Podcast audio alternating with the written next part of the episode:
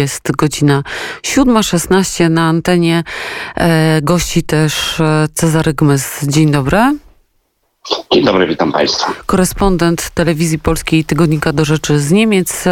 Ja przypomnę, że 20 listopada 1945 roku rozpoczął się główny proces norymberski.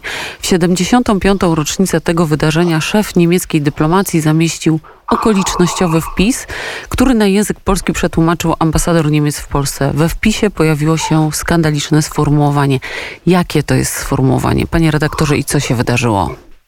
No, to znaczy w tym wpisie pominięto narodowość sprawców, no, stwierdzając, że na ławie oskarżonych zasiedli mężczyźni, mm, pewnie mężczyźni narodowości nazistowskiej, tak no, przypuszczam, bo w Niemczech coraz mniej się mówi o tym, że sprawcami tych nieszczęść, jakie się wydarzyły między 1933 a 1945 rokiem byli Niemcy. Niemcy usiłują się podzielić odpowiedzialnością za te zbrodnie, które wówczas zostały dokonane. No jest to proces, który obserwujemy od wielu lat, od zyskiwania przez Niemców e, pewności e, siebie, a żeby tą pewność siebie odzyskać, no to należałoby mm, według Niemców oczywiście zmyć ze siebie przynajmniej część odpowiedzialności za II wojnę światową, ale również za lata wcześniejsze, bo przypomnę, że mm, NSDAP w Niemczech doszła do władzy w 1933 roku i de facto już wówczas zaczęły się prześladowania poszczególnych grup ludności, czy to Żydów, Cyganów,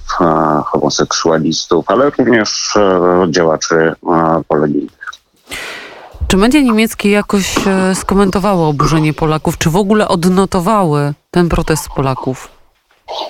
Nie, nie odnotowały, dlatego że no, musiałyby być wtedy postawione w dość kłopotliwej sytuacji, bo można od lat a, starają się prowadzić taką narrację, że nie tylko Niemcy byli odpowiedzialni, czy też nie tylko wyłącznie Niemcy za II wojnę światową, za Holokaust, a, za ludobójstwa, a, więc a poza tym Niemcy no, mają taki zwyczaj, że raczej sobie starają nie zajmować w odróżnieniu od Polaków głowy opiniami innych narodów, narodów, ponieważ uważają, że sami są jednym z najważniejszych, jeżeli nie najważniejszym narodem na świecie. Tymczasem w Polsce doszło do skandalicznej sytuacji, bo trudno tego nie oceniać, a mianowicie ujawniono dane policjantów, którzy pracowali przy osłanianiu bądź e, zabezpieczaniu protestów, które mają miejsce w, na ulicach kraju. Co to, czym, to, czym to grozi? Jak pan by to skomentował? No, to, patrząc z perspektywy Berlina, to jest coś absolutnie niedopuszczalnego, ale powiedzmy sobie szczerze, że nie było to pierwsze ujawnienie, dlatego że ja już znam a, wcześniejsze przypadki, że jeden z serwisów ujawniał a, rzeczy jeszcze bardziej tajne, a mianowicie dane osobowe a, funkcjonariuszy służb specjalnych, którzy, a, których to dane osobowe powinny być chronione i to wynika bezpośrednio z ustaw, ale również takie a, zapisy znajdują się w ustawie o policji. Chodzi o to, żeby po prostu tych ludzi e, chronić, co nie oznacza, żeby chronić przed odpowiedzialnością karną, kiedy dopuszczają się przestępstw. Tutaj rzeczywiście ten pomysł zgłoszony bodajże przez związki policyjne, e, by na mundurach nie było nazwisk e, funkcjonariuszy, jest pomysłem dobrym. Niemcy mają tutaj taką bardzo dobrą zasadę, że no, co prawda troszeczkę, jeżeli mówimy o Niemczech, może brzmieć to kontrowersyjnie, numerowanie ludzi, numerowanie funkcjonariuszy, to polega na tym, że funkcjonariusz na swojej kurtce służbowej, e, czy odzieniu służbowym, e, na plecach i z przodu na plecach duży mm, napis, e, cyfry, które pozwalają go zidentyfikować, gdyby na przykład dopuszczał się mm, brutalnych rzeczy.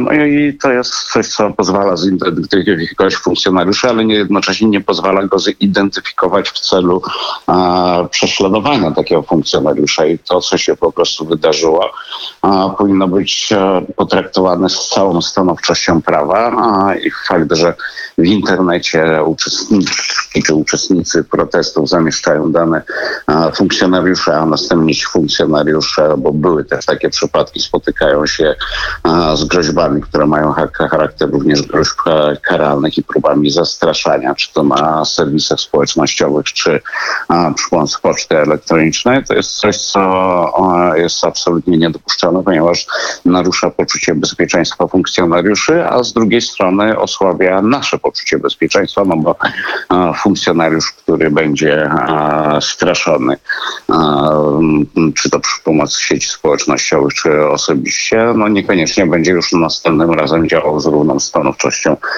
z jaką powinien działać.